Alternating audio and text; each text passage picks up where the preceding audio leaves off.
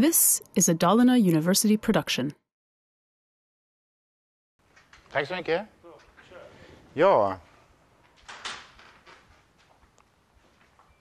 ja jag kastar genast ut. Jag, jag, jag väljer att visa en lista som jag kanske har visat många till leda men som jag måste få starta med i alla fall. Och det är en liten skissering som jag använder mig ofta av i olika sammanhang. Både här på högskolan i, inom mitt ämne litteraturvetenskap men också i andra samman, föreläsningssammanhang.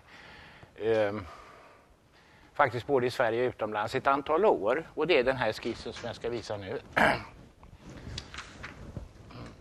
Som ni ser står det här, jag visar en liten del av den här listan nu. Som ni ser så står det där tre stadier i kommunikationens historia och så har jag skrivit scenkultur, bokkultur, skärmkultur. Det här är tre termer som jag har laborerat med ett antal år. Jag tror jag är först i Sverige, fast eh, i, i det senaste numret av Tidskrift för litteraturskap så har en god vän och kollega till mig uppe i Umeå, P.O. Eriksson, lyckats stjäla termen, förlåt P.O. om du hör det här, eh, termer dyker ju upp lite här och där nu för tiden och man vet inte alltid vad som är originalet och vad som är kopian. Men jag är alltså inte helt ensam om termen utan som sagt var P.O. då, Eriksson där uppe i Umeå, har använt den här termen skärmkultur i en artikel nyligen i eh, som sagt var Tidskrift för litteraturskap, en didaktisk artikel om svenskämnet i skolan idag och hur det håller på att utvecklas. Eh, min inriktning är väl något annorlunda än POs, men eh, vi ligger väldigt nära varandra, vi, vi tangerar varandra väldigt mycket. Jag själv har också publicerat alldeles nyligen en, en liten essä i Falu-Kuriren i det här ämnet. Ungefär samtidigt som den där Artikeln dök upp om det här med skärmkultur. Uh, och eh, när man ytligt sett läser de här två texterna, min artikel och PU, så kan man få ett intryck att vi är väldigt olika. Därför att eh, redaktören Eh, för Falukurin. Han lyckades få det att se ut som det var väldigt pessimistisk betraktelse. Jag beskrev i den artikeln hur bokkulturen är på väg att försvinna och ersättas av en skärmkultur. Och, och den ärade redaktören i Falukurinen som sagt, han lyckades få, få det att verka som om, som om eh, min inställning till det här var väldigt negativ och pessimistisk. Ungefär som jag tänkte att vi riv hela IT-skiten på en gång och återvänd till boken eller något sånt. Men det är definitivt inte min mening. På inget sätt. Utan jag försöker beskriva den här utvecklingen från vad jag kallar scenkultur över bokkultur till skärmkultur. Så gör jag med både nyfikenhet och intresse. Det handlar på inget sätt om pessimism eller någon föreställning om att uh, världen håller på att bli sämre. Det är snarare tvärtom. Men hur som helst, rent vetenskapligt så försöker jag vara så neutral som möjligt och så saklig som möjligt. Och inte propagandistisk i vare sig den ena eller den andra riktningen. Den här skissen nu, det där med scenkultur och bokkultur och skärmkultur. Som ni ser jag, har jag skissat lite grovt och sagt att den där scenkulturen den dominerade före 1800 och så kommer bokkulturen 1800 till 1960 och sen kommer skärmkulturen från och med 1960. Eh, med andra ord det är en sorts historiserande överblick det här, det här på något sätt signalerar. Och, eh, eh min på det som skiljer mig nu från, från låt oss säga den, min ärade kollega P.O. Eriksson där uppe i Umeå, det är att han eh, så att säga, fokuserar på den här distinktionen bokkultur skärmkultur helt och hållet. Medan jag försöker liksom ta ett större historiskt perspektiv och backa tillbaka till forntiden. Och när jag gör det så upptäcker jag, och det är det jag har gjort, hållit på med det här i många år, det jag upptäcker i min stora förvåning att den där bokkulturen den framstår ju närmast som en parentes i människans historia. Det är liksom det som är min poäng. Den sträcker från 1800 till 1960 i min skissering. Det är en otroligt kort tid i mänsklighetens historia. Det är ingenting alls. Det är det som är det liksom eh, min grej, tycker jag själv, just det poängterandet. Och vad, har jag för, vad är det som motiverar mig till att äh, äh, engagera mig så mycket? Jo, det är ju mitt, mitt yrke faktiskt som litteraturhistoriker. För det är, ju, det är ju ett yrke som snart ingen begriper sig på. Vad handlar det om egentligen? Om ni tänker att jag skulle ut på stan och fråga folk lite försynt vad, vad tror ni litteraturvetare sysslar med? Så tror jag att de flesta skulle svara någonting i stilen ja, det är väl en sån där som håller på med böcker och författare. Någonting sånt. Något åt det hållet i alla fall. Och om jag då pressade dem in i ett hörn och sa vilka böcker då? Telefonkatalogen eller vad då för böcker? Ja, skulle de säga, det, det vi kallar skönlitteratur närmast, till exempel romaner och diktsamlingar. Ehm, fick, det, låt oss säga fiction snarare än non-fiction för att använda en engelsk distinktion, eller hur? Ungefär så. Någonstans där utan att fördjupa mig i alla nyanser och detaljer kring vad folk skulle få för sig. Man kan säga att vad jag pratar om nu är en föreställningshorisont. Jag pratar inte om verkligheten, vad, vad litteraturvetare verkligen sysslar med lite sysslar med, för det intresserar mig egentligen inte just nu. Utan min poäng är att det finns en föreställningshorisont kring saker och ting här i världen. Vi människor föreställer oss saker. Vi föreställer oss hur världen är beskaffad och vad olika yrkeskategorier sysslar med. Jag träffade förresten en jägmästare häromdagen och sa lite nyfiket, ja det är intressant det här med jakt, sa jag. Ja, sa det är bara att jägmästare jagar inte, de sköter skog. Ja, men det, det finns många föreställningshorisonter som är ibland ganska vilseledande. Eh, eh, men hur som helst alltså. Eh, när vi, vad jag är ute efter är helt enkelt att när vi tänker på litteratur och böcker och kommunikation och framförallt när vi tänker på litteratur så tänker vi på författare och böcker fortfarande väldigt mycket. Instinktivt nästan. Och när vi tänker på litteratur, i den, den typ av litteratur som litteraturvetare håller på med, så tänker vi oss skönlitteratur, romaner och diktsamlingar. Och eh, vi skiljer då, och framförallt den där betoningen av att det skönlitterära, alltså att litteraturvetaren sysslar med skönlitteratur. Och eh, vi kanske också, om vi nu får tala om gemene man. Jag kan också tänka mig att gemene man skulle föreställa sig att det är en väldigt gammal sysselsättning det där med att hålla på med böcker och författare. Väldigt, väldigt gammal. Men min poäng är återigen, den är ju väldigt ny. Den, är, den, den, den, eh, den uppstod någon gång på 1800-talet egentligen. Alltså. Och mycket annat i våra föreställningshorisonter är likadana. Låt oss säga, man tänker sig ofta så att historiker och litteraturhistoriker de delar upp världen i forntid, och medeltid och renässans till exempel. Det är också någonting som skapades på 1800-talet. Att skilja mellan skönlitteratur och sakprosa, skapat på 1800-talet. Att skilja mellan fiction och non-fiction, 1800-talet igen. Äldre är det inte alltså.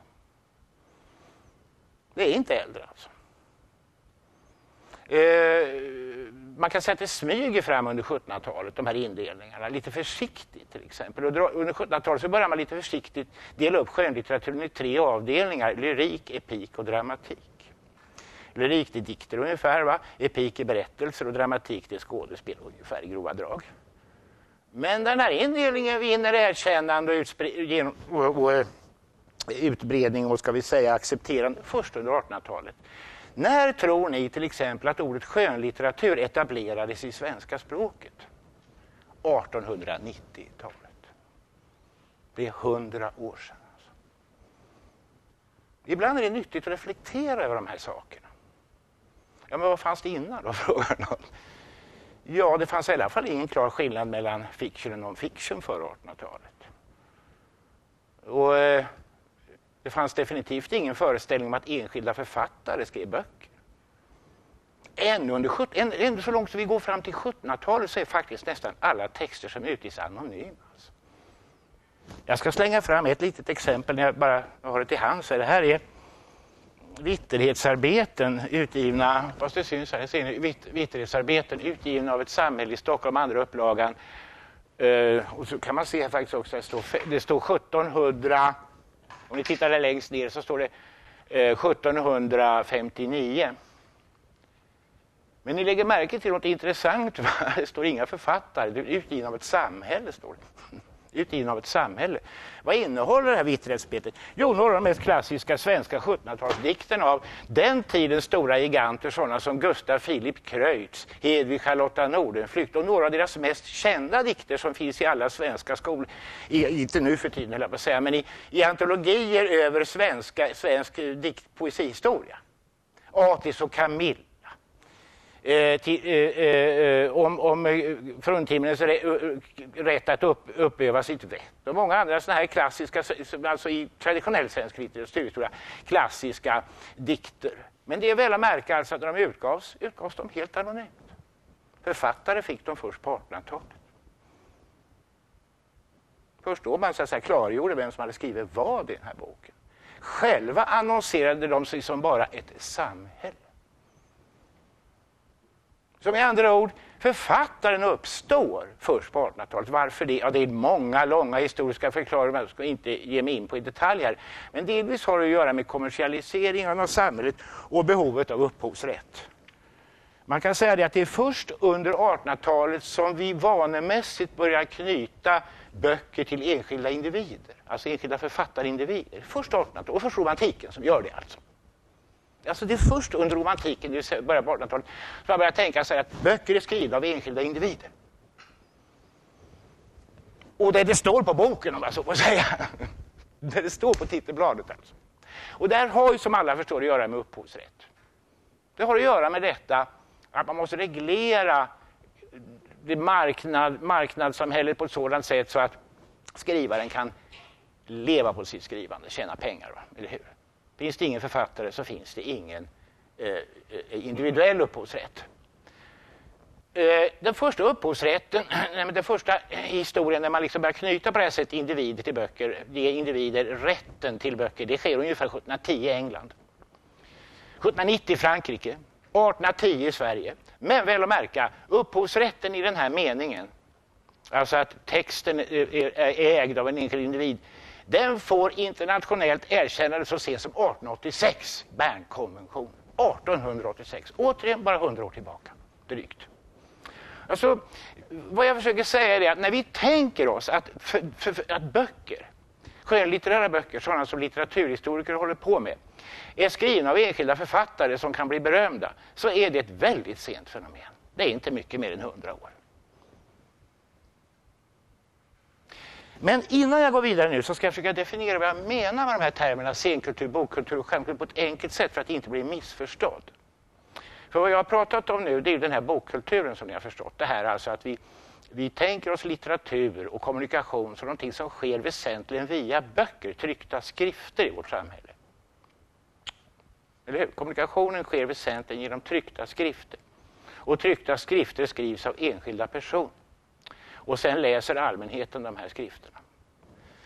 Det är inte det i sig jag menar med bokkultur. Utan det jag menar med bokkultur, den där korta perioden 1800 till 1960, det är en enkelriktad kommunikation jag är ute efter. En enkelriktad kommunikation.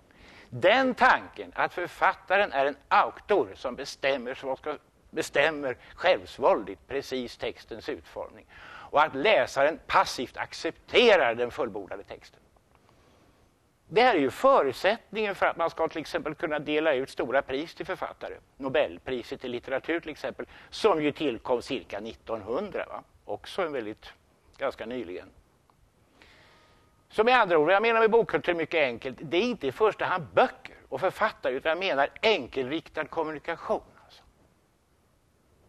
Någon, en bestämd avsändare som äger texten, en bestämd fixerad text, en gång för alla given så att säga och en mer eller mindre anonym grupp mottagare eller läsare.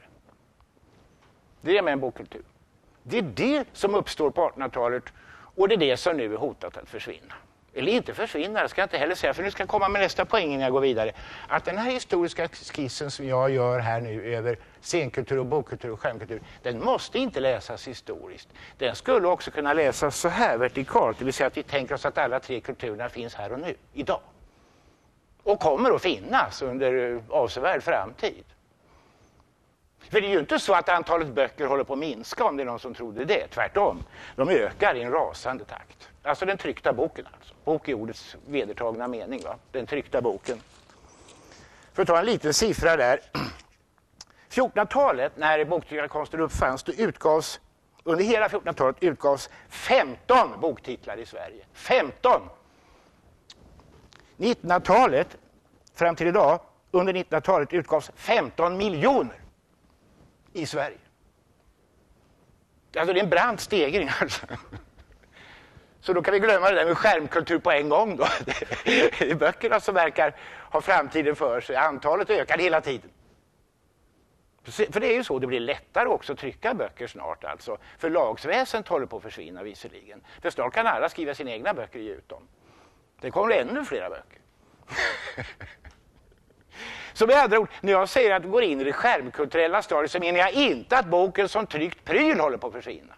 Det finns inga siffror som tyder på det. Mm, för all del, det finns vissa tänkare som tror det faktiskt.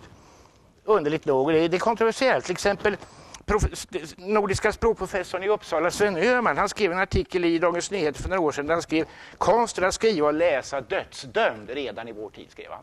Han menar det på fullt allvar alltså. Jag tror honom inte riktigt. Men det kan ju vara kul att kasta in honom i alla fall som, en, som ett, ett sätt att se på det. Vad menar han med det? Han menar helt enkelt det alltså att konsten att skriva och läsa är dödsdömd, menar han på fullt allvar. Han tänker sig till exempel att i framtiden så skriver vi inte e-post utan vi pratar in meddelandena direkt i apparaten. Och det är möjligt, mycket tänkbart att det blir en sån utveckling. Alltså att han är ute efter att nymuntligheten tar över, alltså att skriv, själva skrivandet och läsandet kommer att försvinna utan det övertas av en nymuntlighet. Jag tror inte han har rätt, men strunt i det. Jag vet ju inte. Han kanske har rätt, han kanske har fel. Det spelar inte så stor roll för mitt resonemang. För du ska komma in på vad, vad skillnaden är mellan bokkultur och självkultur. Vad jag är ute efter. Jag är alltså inte ute efter att boken som tryckt pryl håller på att försvinna. För jag konstaterade ju att det finns fler böcker i skärm, skärmkulturens tid än i bokkulturens tid. För det är också sant alltså, att om vi håller oss till den perioden 1800-1960 så fanns det ganska få böcker på den tiden. Jämfört med vad det finns idag. Alltså. Så i skärmkulturens värld, vår värld, finns det fler böcker än i bokkulturens värld. Så det är ju uppenbarligen inte det jag menar, det är inte den fysiska boken jag är ute efter när jag pratar om bokkulturen. Utan jag är ute efter envägskommunikationen återigen. Det är den jag är ute efter. Men, och det betyder ju att man kan mycket väl tänka sig en, en, en, en kommunikation via en skärm som jag från min horisont betraktar som bokkultur. Vadå? Ja, tänk er en spelfilm av Ingmar Bergman. Det är för mig utpräglad bokkultur. Klar envägskommunikation. Ett starkt jag, Ingmar Bergman, starkt jag va? gör sina filmer och publiken mottar dem i beundran. Om ni förstår vad jag menar. Det är bokkultur det alltså. Det är nästan bokkulturens kulmen i Sverige, Ingmar Bergmans filmer. Nej, så det är inte återigen, det är inte den fysiska boken jag håller på och tjatar om när jag pratar om bokkultur. Och det är inte den fysiska bokens försvinnande jag pratar om när jag pratar om skärmkultur. Utan vad är jag ute efter då igen? Jag är ute efter det att med det jag kallar skärmkultur så upphör den här envägskommunikationen som utmärkte bokkulturens tid det uppstår ett slags interaktivitet på nytt. Och nu om ni tittar på punkt 9, jag hoppar lite mellan mina punkter, så ser ni lite poängen där. Punkt 9, som ni ser så står det i gamla tider, i senkulturens tid, då var kommunikationen, säger jag, interaktiv påstår jag. Och sen kom bokkulturen med sin kommunikation. Och så är vi tillbaka i, intera i, i, det interaktiva. Det är det jag menar. Det är en av kärnpunkterna i det här resonemanget. På vilket sätt var kulturen interaktiv i gamla tider om vi börjar där? Ja, det är väl väldigt enkelt, det förstår ju alla. Gamla tiders kultur var övervägande muntlig. Övervägande. Före 1800-talet alltså. Visserligen så uppfanns tryckkonst, tryckerikonst redan på 1400-talet, men, men det är en sanning. Det är en sanning att eh, visa mig själv en sekund också. Det är en sanning att, eh, att eh, även om boktryckerikonstnärer uppstod redan på 1400-talet så kan man säga så här att litteraturen, kommunikationen före 1800-talet i allt väsentligt är muntligt och att den även när den skrivs ner skrivs ner utifrån muntliga förutsättningar. Eh, den svenska poesin till exempel, långt in på 1700-talet, bygger väldigt mycket på antikens, den klassiska retoriken ända fram till 1700-talet. Och retorik, det var ju offentlig talekonst. Retoriken var den gamla tiders, så att säga, eh, kommunikationsform par preferens. Eh, för att göra en lång historia kort alltså. Forntidens kultur är retorisk, muntlig till sin väsentliga kärna. Och det gäller även när man började skriva på papyrus eller trycka böcker. Man kan ju säga, för att göra en lång historia kort, att grekernas och romarnas texter är egentligen underlag för högläsning. Man brukar ju säga till exempel att greker och romare läste egentligen aldrig tyst. Man brukar säga att det är först när vi kommer 300 efter Kristus som tystläsandet börjar uppstå.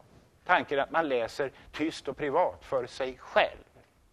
Och jag är framme en viktig sak kring forntidens muntliga kultur och interaktiva kultur. Den är inte bara muntlig, utan den är en performing art. Alltså att poesi för grekerna, forntida, forntida grekerna, forntida romarna, är en performing art, en scenkonst. Det är det jag menar med scenkultur. Ett direkt möte med publiken. För att belysa det här ska jag läsa ett litet avsnitt ur eh, en text av en av de största Catullus-kännarna. Och Catullus det var en av romartidens främsta poeter, levde strax före Kristi födelse.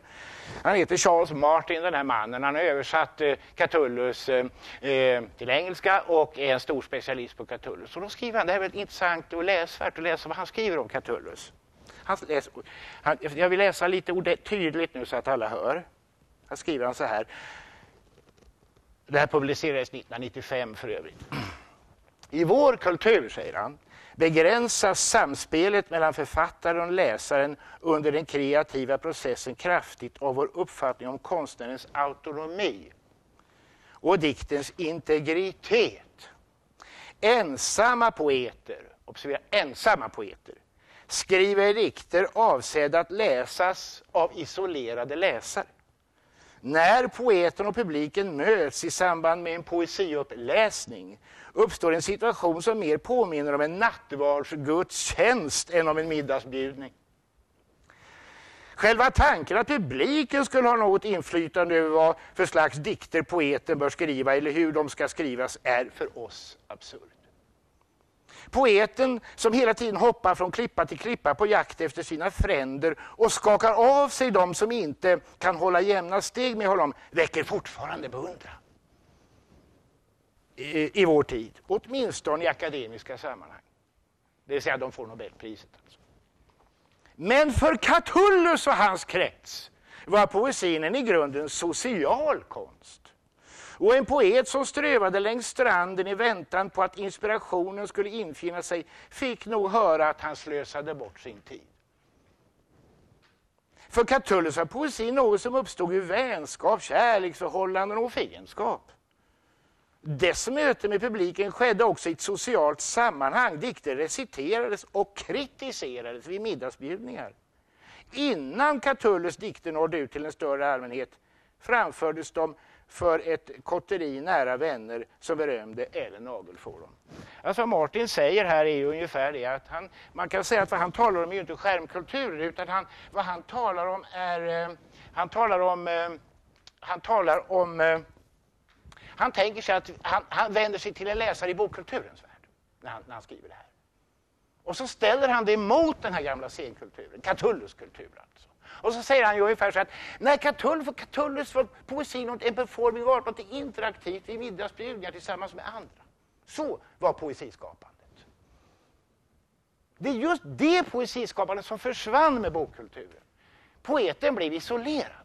Och ju mer isolerad poeten var, ju mer berömd blev han.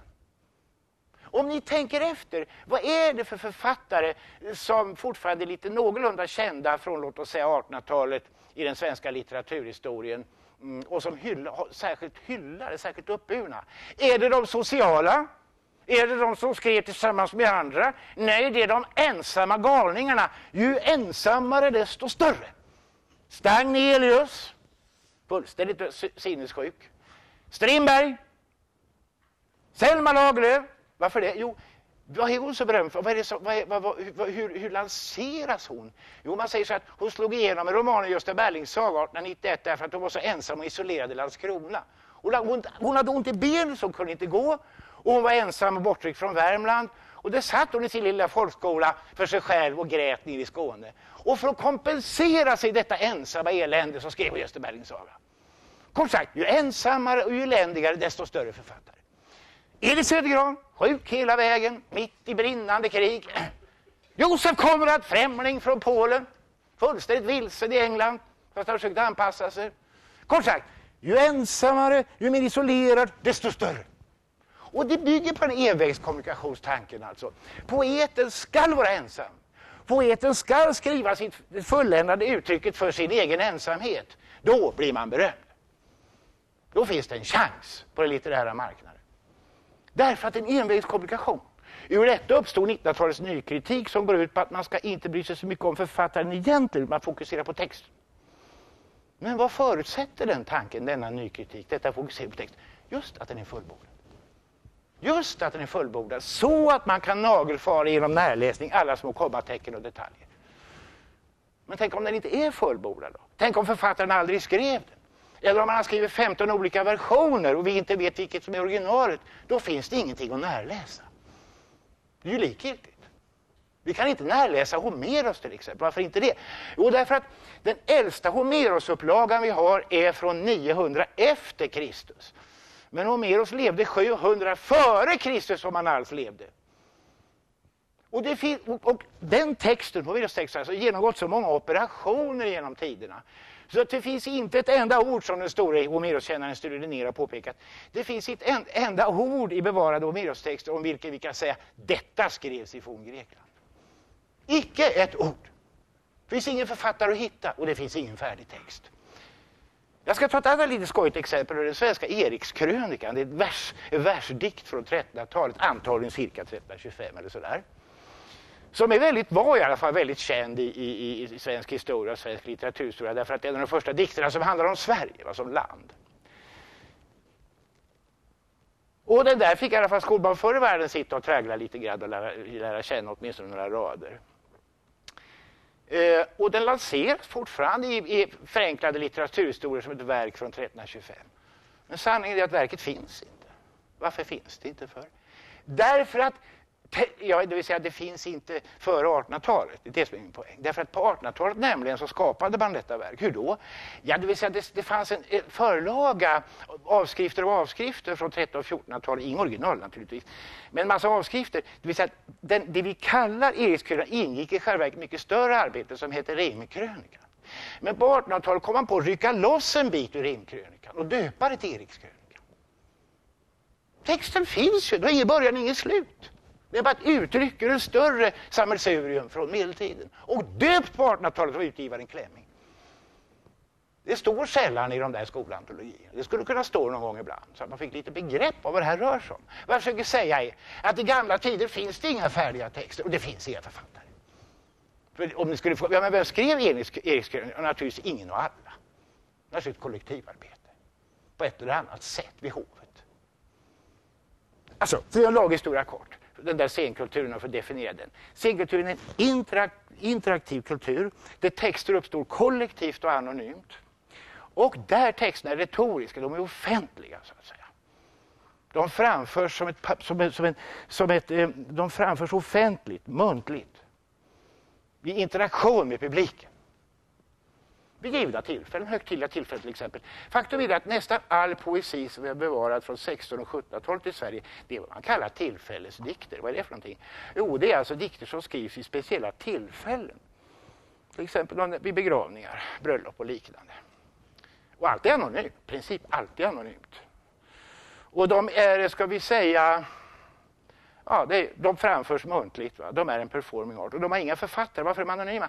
Ja, därför att när man håller ett begravningstal eller ett bröllopstal så pratar man ju inte i egen sak och privat och personligt utan man spelar en roll. Sörjarens roll till exempel, eller hyllarens roll. Vi vet ju alla hur lögnaktiga festtal är. Det är en rollspel att hålla ett festtal, det är inte att uttrycka sig själv. Så är gamla kultur, tiders kultur beskaffad. Den är anonym, den är kollektiv, den är interaktiv. Nu är min poäng, sådan är vår kultur, den som växer fram idag på väg att bli. Och då låter det pessimistiskt vissa, för det låter som jag vill säga, ja vi är på väg tillbaka till forntiden, det håller på åt helvete alltihop. Det låter som det är det jag vill säga. Alltså. Eller hur? Därför att vår kultur är ånyo lika anonym, kollektiv och, eh, och, och interaktiv. Eh, man brukar säga ibland så här, för att uttrycka den här skillnaden mellan scenkultur, bokkultur och skärmkultur. Då kan jag ta en annan liten triad som jag har här någonstans. Eh, som... Eh, eh, ja, det kanske inte är så bra uttryckt det här. Punkt 13 tänker jag på där, formelartad, unik, repetitiv som ni ser att det står. Jag skulle hellre vilja byta de där orden, jag är lite kritisk mot min egen indelning här. Jag skulle vilja byta dem mot repertoarkonst, verkkonst, repertoarkonst. Vad menar jag med det? Jo, jag menar så här. Att i gamla tider, före 1800-talet, så är nästan alla litterära uttryck en repertoarkonst. Och vad menas med det då? Jo, med det menas att vitsen med skrivandet är inte för författaren att uttrycka sig själv. Utan det är att uttrycka något allmänt bekant och accepterat väl. Man får pris för att man uttrycker sig väl, inte att man uttrycker någonting sant eller originellt. Det här har utretts väldigt ingående av den eh, litteratursociologen Bo-Henrik Björkman som alltså tillhör de största litteraturvetarna under 1900-talet i Sverige. Alltså att all diktning egentligen före 1800-talet är en sådan, hur ska jag säga, retorisk handling. Det vill säga man, man skriver inte av personliga skäl, inte för att uttrycka sig själv, utan man skriver, man skriver så att säga i en repertoar. Man skriver väl kring någonting allmänt känt. Men 1800-talskulturens kultur däremot är en verkdiktning. Vad betyder det? Jo, det betyder just att det är en författare, antas, eller vår föreställningshorisont är den att det är en författare som uttrycker sig själv och personligen som är, eh, så att säga, Eh, det kulturella uttryckets vits. Eller, eller bokkulturens så att säga, underförstådda föreställningshorisont är att bra dikt är ett uttryck för en individuell författarpersonlighet. Och det är den som ska värderas, författarpersonligheten, äktheten så att säga. Förmågan att avslöja hemligheter i samhället, förmågan att väcka uppståndelse, som Strindberg till exempel. Det är det som värderas i bokkulturen. Det individuella uttrycket, det aparta. Och det jag menar när jag skojar lite med den ensamme diktaren tidigare, att ju mer ensam, ju mer apart, ju mer provokativ, desto bättre. Det är det poäng. Alltså. Det starka jaget. Men alltså, som vi konstaterar, i forntiden finns inte detta starka jag, utan istället finns så att säga en repertoar. Du arbetar med givna men som ännu Bellman gör, va? som skojar med Bibeln och med den antika mytologin. Han arbetar i en repertoar, som ett dansband. Man skulle kunna jämföra med ett dansband kanske. Att man har en given repertoar som man varierar. Efter vissa ska vi säga, accepterade mönster. Så fungerar gamla tiders diktning. Det är en dansbandskultur, skulle man kunna säga. Det är det som är på väg tillbaka. Det är precis det som sker idag i kulturen. Ta till exempel det ungdomsfenomen som kallas fanfiction som är väldigt intressant. Ungdomar idag älskar, väldigt många ungdomar i alla fall, att syssla med fanfiction. Vad är det? Jo, det är just repertoardiktning. Man utgår från en känd historia som man gillar och så leker man med den och bygger vidare på den. Och därmed så tonar man ner sig själv. Man sysslar inte med sitt eget jag. Det är inte det som kommer till uttryck. Utan man, man sysslar med en repertoar som man så att säga gillar av någon anledning. Som man fascineras av. Eh, och eh, därmed så, så att säga, försvinner det där suveräna författarjaget, den där Strindberg-jaget. Det tonar bort. Istället ingår man i ett kollektiv så att säga. Där man tillsammans med andra i någon slags, ska vi säga, kooperation skapar de nya kulturella uttrycken utifrån repertoaren, utifrån de givna mönstren. Och, eh, jag, vet, vet inte om ni såg häromdagen var en skojig variant på tv, någon sorts lek med Sherlock Holmes-historien. Är det några som vet vad jag menar? Jo, det är en nyinspelning av Sherlock Holmes-historien gjord i, i England där, där man så att säga flyttat över storyn eh, till, till nutid. Och så leker man med original, skojar med det på olika sätt. Fanfiction. Så fungerar tv-serier. Fanfiction. Alltså. Så det är inte bara ungdomar som håller på med sånt här utan det här är modellen för tv-serierna. Alltså. Spela på repertoaren som redan föreligger. Med andra ord, vi är tillbaka i den retoriska traditionen. Det handlar i första, inte i första hand om att säga något nytt och unikt och privat och personligt. Det handlar om att uttrycka sig väl kring en redan given repertoar. Göra det bättre än förra gången. Det är ett intressant återvändande i någon mening. Nu, jag menar naturligtvis inte att vi i vår tid är på väg tillbaka till forntiden i ordets bokstavliga mening. Men det finns intressanta paralleller och jag är inte den första att säga detta. Ett, ett av de verk som min egen, min egen forskning som jag håller på med nu bygger på väldigt mycket och som jag vill skulle någon inte ha läst den till äventyr så denna bok ska man sätta sig in i. Det är Walter Ångs Muntlig och skriftlig kultur. Muntlig och skriftlig kultur. Eh, där han ju egentligen gör samma iakttagelse som jag, nämligen påpekar den här lustiga, lustiga sambandet mellan det som håller på att ske i vår tid och vad som skedde i forntiden. Eh, han säger till exempel om den, den forntida dikten att den muntliga dikten är resultatet av ett samspel mellan sångaren, den närvarande publiken och sångarens minne av sjungna sånger. Det är just det som är repertoarsidan av det hela. Va? Eh, och så säger han så här att, eh, bland mycket annat, som han säger i sin bok, att den nya talspråkligheten, alltså vår tids talspråklighet, har en slående likhet med den gamla i sin participat participatoriska mystik, i sitt uppammande av samhörighet, i sin koncentration på nuet och även i sitt bruk av formler. Med andra ord, vad han försöker säga är Ång att det som har skett i tv-åldern, TV-åldern och det ska jag väl säga också på en gång för att förklara varför jag till varje pris ska få den här eh, den här nya skärmkulturen att inträffa på 1960-talet som ni kanske såg i min i min eh, lista här tidigare. Ni ser det bara 1960 min lista. Ja, det beror naturligtvis på att det är tv som slår igenom. Och det är därför 1960 just blir en viktig, viktig, viktig tidpunkt. Och det är det som också är Ångs utgångspunkt. Va?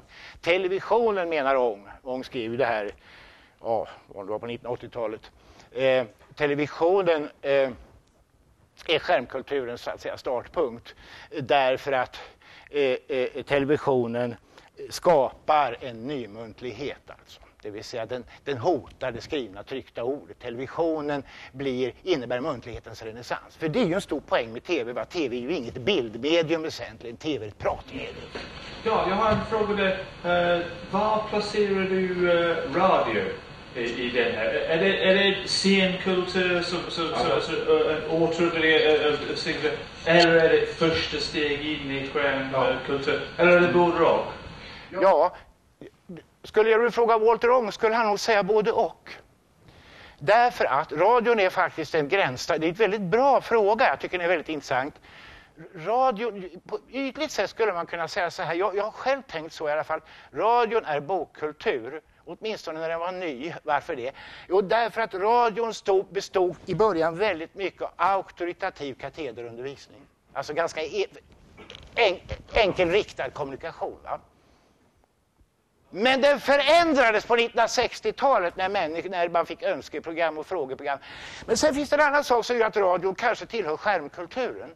Och det är, det är vad, då kan få det gå till Marshall McLuhan. För, för Marshall McLuhan är det viktigt detta att radion är någonting man lyssnar på. Och det här var en viktig grej för Marshall McLuhan, eh, för Walter Ong också i hans bok, och Marshall McLuhan. Det är, den här skillnaden mellan kalla och varma medier. Alltså, Både Ång och McLuhan resonerar så här att i gamla tider är hörseln det viktiga. Synen, Hörseln, synen är inget viktigt. Hörseln är viktig. I, muntlig, I en muntlig kultur gäller det att höra framförallt. Och det är varmt. Alltså, hörandet är emotionellt, det driver oss samman. Men skriften och, och, och, skriften och boken är kall, den vädjar till synsinnet. Så med andra ord, synsinnet är kallt, ett kallt medium. Isolerar oss alltså från varandra. Alltså. Liksom skriften. Skriften, skriften isolerar alltså. Det var det jag menade med den ensamme galning. Den ensamme fattaren. Skriften isolerar, analyserar, håller isär alltså. Tabell, delar upp. Här, där, precis som jag gör här. Skriftkultur. Delar upp, delar upp alltså. Är analytisk. Men radion som sagt var och, och, och scenkulturen och det muntliga är, är, eh, äh, närmare. Det var det han menade med den där participatoriska mystiken om, alltså att du, du dras samman. Du, du, du, du, du ja. Jag vet inte vad svaret på frågan. Så radio är ett, ett övergångsfenomen, får vi säga. Det är ett både och. Det är en gränsstation. Men idag är ju radion ett väldigt interaktivt medium. Och det här hänger ihop med hastigheten i vår utveckling. Alltså, det fungerar ju så idag och litteraturen är också på väg att bli skärpkultur idag.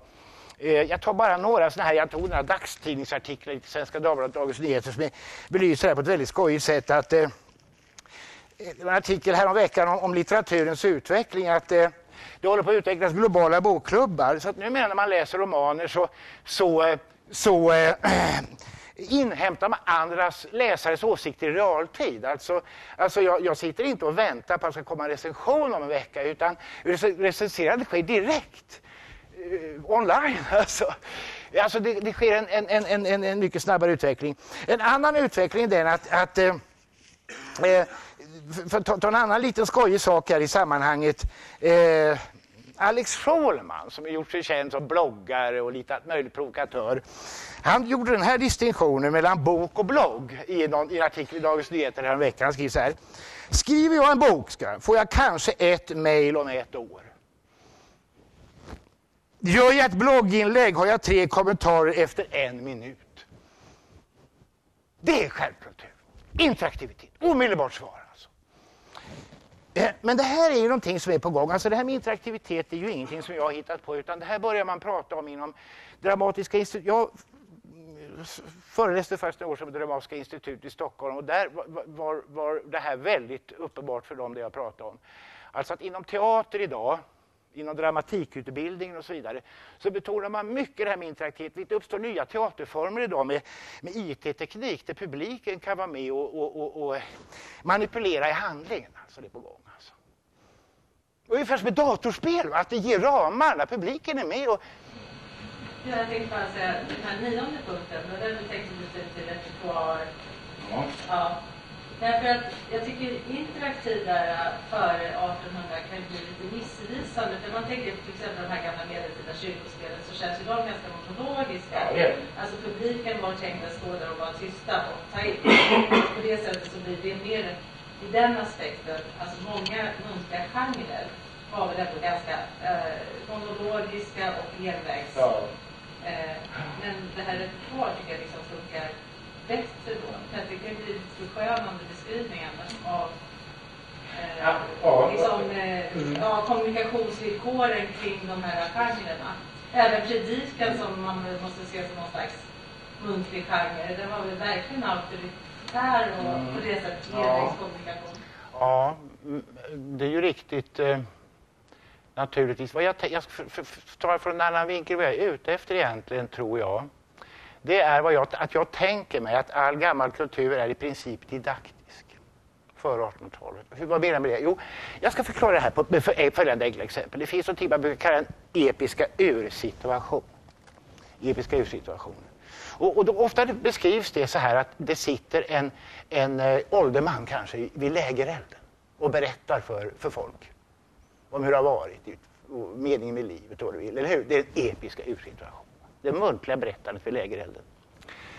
Men så tror inte jag det var.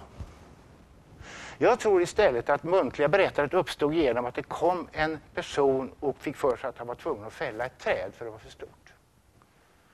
Och då gick han till någon som var bra på att fälla träd och sa, Hör du, hur fäller man träd? Ja, det ska jag visa dig, säger kännaren. Och så berätt, jo, du, först börjar du så här, du sågar där, du gör så, du gör si. Berättandet uppstår av en anledning. Det är det jag menar. Den har ett motiv. Berättandet gamla tider är ingenting isolerat från ska vi säga, samhällskontexten utan det är en integrerad part. Vad det jag menar med tillfällesdiktning egentligen, det är med att folk dör och att du har bröllopsdikter. Det, det finns en anledning. Du, du, du ingår i en gemenskap alltså. Och du improviserar. Det brukar ju sägas om Bach till exempel, det har utretts att när han skrev sina kyrkokantater så gjorde han inte så att han satt för sig själv och skrev ner något väldigt fint och tänkte att ja, det ska vara trumpet där och orgel där och så. Utan han gjorde istället så att han gick ut och kollade på stan. Finns det någon bra musiker? Och då hade det kanske kommit en duktig trumpetare till stan just den helgen. Då sa Bach, hör du, du är bra på trumpet. Ja, Okej, då, då lägger jag ner lite extra små knorrar här för att du ska visa hur bra det är.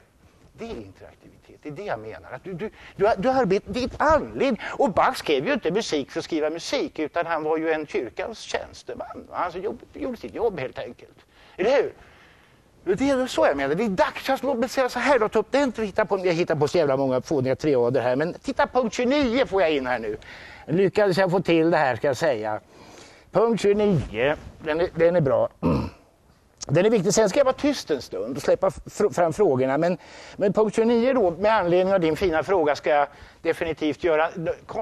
Titta här, 29. Konst är didaktisk, konsten för konstens egen skull. Konst är didaktisk. Nu, nu kommer min poäng. Jag har ju redan förklarat varför konsten var didaktisk i forntiden. Men med verkkonsten och bokkonsten uppstår istället idén om konstens autonomi. Dess egenvärde. L'art pour l'art som man säger i Frankrike, eller art for art's sake som de säger i England. Alltså tanken att konsten är autonom. Och det här går tillbaka till Immanuel Kant och Friedrich Schiller på 1700-talet. De som betonade det att konstens värde ligger i att den står fri från samhället. Som barnens lek. Va? Alltså att dess brist på nytta. Det är där dess värde ligger. Att den är apart, annorlunda, avvikande. Att den helt enkelt har egenvärde. Det är det som gör konst till konst. Och för övrigt föddes ju hela idén om konst just genom Kant och Schiller. Återigen 1800-talet. 1800-talet finns ingen konst för 1800-talet.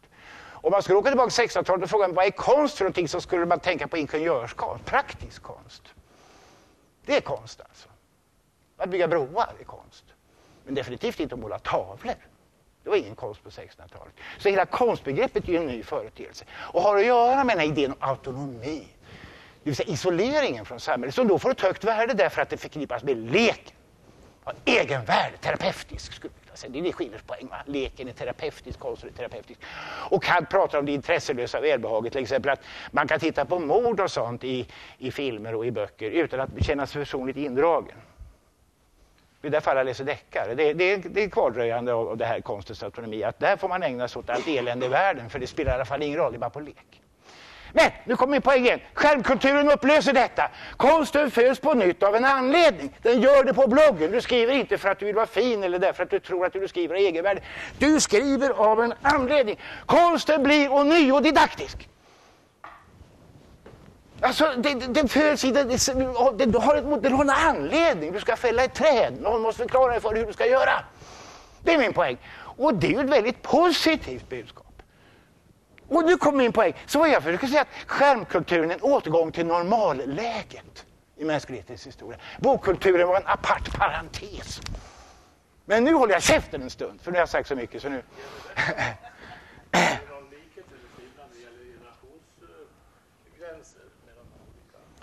Mm. Du menar att vi som är äldre, vi... Nej, jag menar i den, eh, senkulturen. Ja. Tror jag att generationsgränserna var vaga. Ja, det är alldeles riktigt. Och de håller på att bli vaga igen. Och det här är väldigt oroande tycker jag. Det här är inte enbart glatt budskap. Det här är någonting att fundera mycket över. Att, alldeles riktigt, att i gamla tider fanns det ingen klar skillnad mellan barn och vuxen. Eller mellan, ja, nej, enkelt uttryckt så var det ju. Och det är ju faktiskt så att den gränsen håller på att erodera i vår tid. Idag pratar vi ju inte längre, pratar vi pratar väldigt mycket om barns rättigheter, barns begåvning. Till och med hörde jag häromdagen ett förslag på att barn skulle få rösträtt. Visst, så det är precis det, är precis det som sker, en erodering. Eh, vi förbjöd ju barnarbete en gång i tiden, det är bokkulturens förtjänst. Barnen ska leka, barnen ska syssla med konst, barnen ska bort alltså. Ur nyttan alltså. Det här, det här, är väldigt viktigt, det här var ju en väldigt viktig diskussion. Och sen är det en sak till som var fint med bokkulturen. Inte bara det att barnen skulle skyddas, utan, utan en väldigt viktig sak var demokratin som växte fram under bokkulturens tid. Och varför var då idén om den där suveräna författarjaget, som vi har ju pratat om den ensamme, den ensamme som var så viktig, den autonoma jaget alltså, det autonoma jaget. Jo, därför att det på sätt och vis är en förutsättning för demokrati. Varför det? Jo, därför att om demokratin ska fungera så måste vi åtminstone föreställa oss att den enskilda individen är autonom och kan göra ett rationellt val. Eller hur? Att jag inte bara följer med massan utan att jag faktiskt väljer när jag röstar. Och vidare att det finns något att välja mellan. Att det finns klara ideologier till exempel att välja mellan. Det är ju faktiskt en del i demokratins förutsättning. Och vi skulle luckra upp det och säga att ja, det där med jag, det är bara något gammalt eh, modernt jox, det kan vi skippa. Utan, utan människan är en flexibel, eh, vill säga kollektiv varelse. Ja, det var just vad Nietzsche sa hånfullt när han inte gillade demokratin. Alltså Nietzsche angrep ju demokratin för han inte trodde att människor har något självständigt jag. det finns inga jag, så alltså finns det ingen som kan välja. Så att, så att, så att med andra bokkulturer ska vi inte kasta ut med barnvattnet. Den har skyddat barnen och den har skapat demokratin. Och då kommer jag åter till min poäng att den här listan måste ju inte läsas horisontellt nödvändigtvis. Utan med lite god vilja skulle vi kunna läsa den, skulle vi kunna läsa den eh, skulle vi kunna läsa den eh, vad heter det, vertikalt och tänka oss att alla kulturerna finns samtidigt här och nu. Men, men, och interagera med varandra så att säga. Min poäng är bara den att jag tror, men man kan säga så här, att tyngdpunkterna ligger olika och så tillvida kan man historisera. Man kan säga att i scenkulturens värld är det sceniska direktmötet den kulturens tyngdpunkt. I bokkulturens värld är den tryckta boken kulturens tyngdpunkt, det högsta värdet. Men i den skärmkultur som håller på att växa fram nu så kommer istället tv-skärmen och datorn att vara kulturens tyngdpunkt och det kommer vi inte ifrån. Vare sig vi gillar det eller inte så, så har vi redan lämnat bokkulturen i den meningen. Jag vågar påståendet att tv och datorer spelar större roll i vardagslivet för i stort sett alla människor i västerlandet idag än den tryckta boken. Det, det, det är min övertygelse. Men nu ska jag vara tyst igen för att släppa fram frågor. För det handlar om betydelse, inte bara om kvantitet och mängd. Det handlar om betydelse. Du tittade på mig. Ja. eh, alltså, vi litteraturvetare är väl alltså du släkte, det är väl det du säger också? Nej. Nej, men alltså vi behöver inte syssla med tryckta böcker. Nej, men precis. Då sysslar vi inte alltså på det sättet. Så litteraturvetare har vuxit fram som, som en del av den här finkulturen. De som sitter på de där universiteten och, och betraktar den enskilda Nej. konstnären. Så utan vi blir väl kommunikationsvetare ja. analytiker på ett annat sätt. Yes. Det har du visat i ditt eget skrivande, yes. att, att, att, den utvecklingen är, är tydligt på gång. Och då, då skulle man kunna tänka sig att man vidgar också din analys till, till en mycket större vy, alltså om kommunikation. Ja. Och, och, jag ser att du har Castells bok liggande där, alltså Communication Power, som, som, som likställer kommunikationsförmågan eller, eller, eller, kommunikation med makt. Ja. Och att det är det det handlar om. Och då, då skulle du kunna göra ett antal fler triader då, som, som på, i, i, samma, i samma eh, anda som du gör titta på, på till exempel en politisk retorisk utveckling. Ja. Där under romartiden man byggde ett imperium på, på grundval av enskilda talare mm. som, som till, till alltså, relativt små massor kunde övertyga. Det var det som retoriken gick ut på. I, I, en senare fas som föregicks av en teknisk uppfinning, nämligen, nämligen bok tryckerikonsten. Ja. Då skulle man kunna ta exemplet det kommunistiska manifestet som ja. byggs som i, i, i, i kraft av, av sin, sin tryckta mm. eh, uppenbarelse formar en halv värld med, med politiska icke-demokratier. Och sen så ser vi vad är det som händer idag. Ja. Det är ju eh, Twitter-revolutionerna. Det är många som, som, som får möjligheten. Och det speglar sig också i precis samma triad. Det är många som kan uttrycka sig. Det behöver, boken av det slaget behövs inte längre därför att hundratusentals personer är ute i eten och, och, och twittrar om revolt. Och det är det som... som Förlåt, twittrar om? Revolt. Ja. Alltså det är det som kan få en politisk manifestation att fungera. Helt beroende egentligen av den kommunikativa tekniken som, som har bara funnits de senaste decennierna och som vi inte vet vart det tar vägen. Precis. Så att, eh, min, min poäng är alltså att, att eh, litteraturen, konsten i, på det här sättet som du säger håller på att, att försvinna eller blir mindre betydelsefull. Ja, eh, bör vi se som, som, som, som en del i en eh, också en förändring som skulle kunna beskrivas på det sätt som du gör, fast det är en mycket större sammanhang. Alltså kommunikation och makt som betyder politik. Jag instämmer till 100 procent. Tack för, för yttrandet. Jag instämmer fullständigt här då, alldeles. Uh, och, och, jag tänkte bara på det som händer aktuellt idag. Jag tycker det är fascinerande med Egypten just nu. Att när alla demonstrerar där ute på gatorna, som de gör nu i dagarna, så varför kan de göra det? Jo, därför att de har datorerna och tv på sig hela tiden. Mubarak och gänget där vågar inte skjuta folk därför att de får hela världen på sig direkt.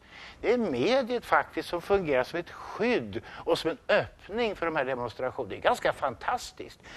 Men det har ju skrivits mycket om det här. Det är ju alla, och återknyta till Castells en sekund igen att det eh, finns ju forskare kring det här som sysslar mycket med det här som jag också sysslar med, med det här, alltså det här interaktiva, kollektiva, där det individuella författarjaget försvinner.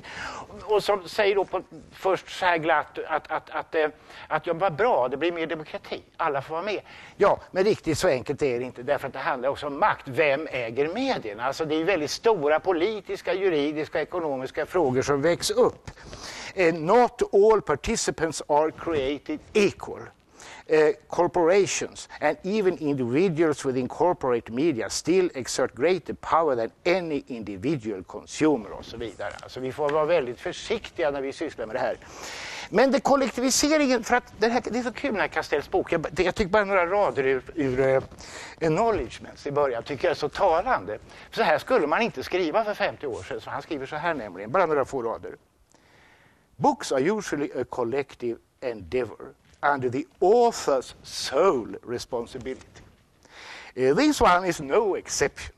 It was born in my mind a long time ago, but it has evolved in interaction with colleagues and students from around the world and has been shaped by the academic and social environments in which I have lived and worked since the beginning of this millennium. And so, to name the people and institutions who are the co producers of this work is not a matter of courtesy, but of accuracy. Enkelt uttryckt, att säga att det här är ett kollektivarbete, inte att vara artig mot mina medmänniskor, utan att säga sanningen. Avsluta med ett ord. John Fisk. Det är det med kollektiva, kollektiva produkten. Alltså det, för, för för 15 år sedan, eh, om man hade tippat vilken av de två stora encyklopediprojekten som, som skulle vara framgångsrikt, om det skulle, om det skulle vara den som Microsoft satte, satte igång, en karta med miljoner dollar i stöd och alla världens lärda, eller om det skulle möjligen vara två galningar som satte igång någonting alldeles självständigt på nätet, så, så kunde man inte tro att det skulle gå som En karta lades ner för, förra året, helt och hållet. Alltså, det finns inte längre. Men om Wikipedia vet vi jag talar om interaktivitet, ja, och talar om kollektivism ja, och, talar om, och talar om värde. Alla använder Wikipedia. Låt mig avsluta med att ta upp John Fiske, en amerikansk mediateoretiker och tv-analytiker och så vidare, som gjort en tredelning av texter på det här sättet. Han skiljer mellan nivå 1 nivå, och nivå 3 i alla texter. Och så säger han så här att nivå 1 är liksom texten som sådan, va? Så den, den, kärnan i texten Alltså, den som kan ges ut i nya upplagor. Nivå två det är vad som vi brukar kalla inom litteraturskapen paratexten, alltså förord, efterord, recensioner, alltså allt som finns runt omkring. Men så finns det en tredje nivå och det är vad publiken gör med text. Och Fiskes poäng är den att de här håller på att börja interagera allihop mer och mer. Alltså. Vi kan inte skilja snart mellan texten, kringtexten och eh, publikens medagerande. Och då blir Eh, då uppstår, då uppstår fenomenet prosumenten. Det vill säga en människa som både producerar och konsumerar i interaktion. Då uppstår producen istället för producen. Fanfiction består ju i producing, alltså att jag, jag, jag, jag, använder en produkt snarare än producerar den. Alltså. Repertoar, det är det som förr i världen kallades repertoarkultur. Nå, nu har jag pratat så länge så det får räcka. Men, eh, och som ni ser, jag har hoppat lite hit och dit. Men låt mig säga så här då för att avrunda och avsluta. Att, för jag har pratat så mycket om bakåt i tiden och så lite framåt i tiden. Och det beror på att jag vet inte hur det kommer att bli. Men jag tror att vi kan vara överens, och det verkar som Andrew och jag i alla fall är överens om, att, att boken, som den tryckta boken i den här moderna 1800-talsmeningen, den har förlorat sin avgörande betydelse. Den är marginaliserad. Det är min övertygelse. Och åtminstone boken betraktas som en helig, en gång för alla färdig text. Just utvecklad av en enda individ som får Nobelpriset. Och jag tycker man redan nu kan se hur Nobelpriset eh, under min levnad har förlorat i status. Alltså jag har ju upplevt det själv, jag är ju lite över 60, jag är 60 plus. Jag har ju varit med om den otroliga dignitet som fanns som priset ännu på, ännu på 1960-talet alltså, här i Sverige. Och det har ju gått förlorat, det vågar jag påstå. Det, det, det är, eh, det är eh, Ja, förlåt, nu har jag pratat länge nog. Eh,